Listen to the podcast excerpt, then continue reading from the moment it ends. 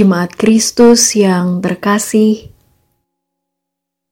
renungan untuk kita malam hari ini berjudul "Merasakan Janji Allah Butuh Ketaatan". Dan bacaan kita diambil dari satu Raja-Raja pasal 8 ayat 17 hingga ayatnya yang ke-21. Beginilah firman Tuhan. Lalu raja melanjutkan, "Ketika Daud ayahku bermaksud mendirikan rumah untuk nama Tuhan Allah Israel, berfirmanlah Tuhan kepadanya." Engkau bermaksud mendirikan rumah untuk namaku, dan maksudmu itu memanglah baik hanya bukanlah engkau yang akan mendirikan rumah itu, melainkan anak kandungmu yang akan lahir kelak. Dialah yang akan mendirikan rumah itu untuk namaku. Jadi, Tuhan telah menepati janji yang telah diucapkannya. Aku telah bangkit menggantikan Daud ayahku dan telah duduk di atas tahta kerajaan Israel, seperti yang difirmankan Tuhan.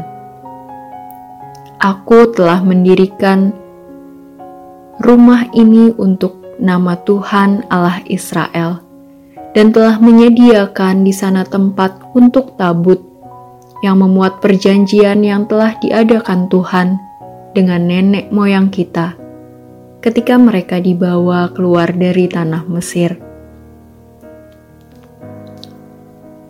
Apa maksudnya saat kita ingin hidup sesuai dengan janji Allah?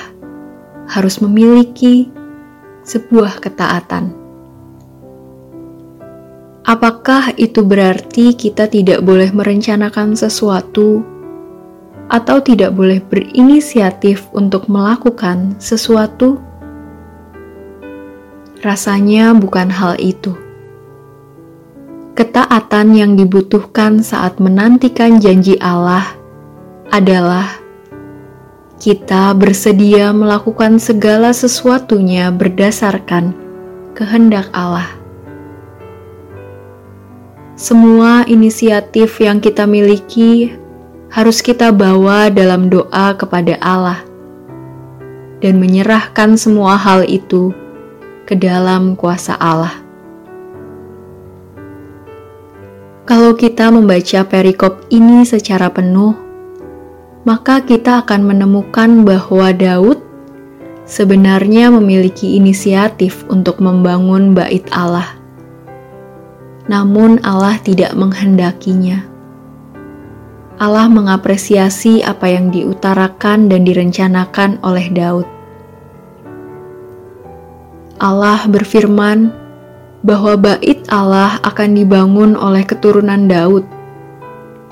Dan memang benar bahwa pada akhirnya Raja Salomo lah yang membangun bait Allah tersebut.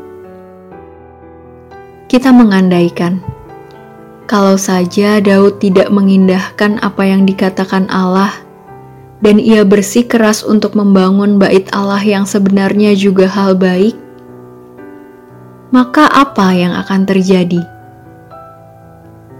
Ada kemungkinan Allah tidak berkenan dan bisa membuat Raja Daud dalam masalah.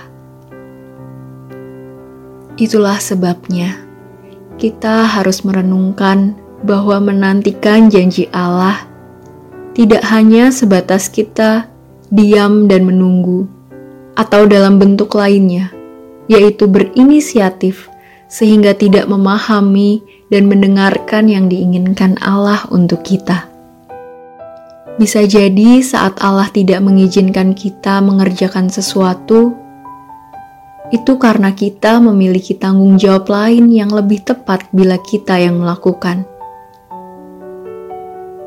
Dan yang paling penting, percayalah bahwa Allah tidak akan salah memberi tanggung jawab kepada kita. Mari tetap taat, agar kita dapat merasakan penggenapan janji Allah untuk kehidupan kita, serta selalu kerjakan tanggung jawab yang kita miliki. Demikianlah renungan malam ini. Semoga damai sejahtera dari Tuhan Yesus Kristus tetap memenuhi hati dan pikiran kita. Amin. Jemaat yang terkasih, mari kita bersatu hati untuk menaikkan pokok-pokok doa yang ada dalam gerakan doa 21 GKI Sarwa Indah. Mari kita berdoa.